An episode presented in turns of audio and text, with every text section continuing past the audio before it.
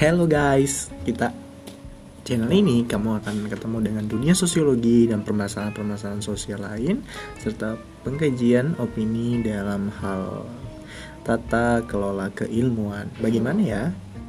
Jangan lupa stay tune terus di podcast ini karena podcast ini mengandung unsur yang luar biasa.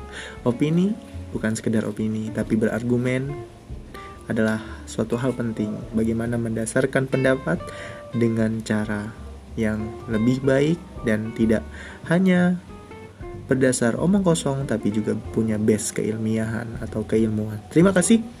Tune terus di podcast ini. Oke, salam Arwik.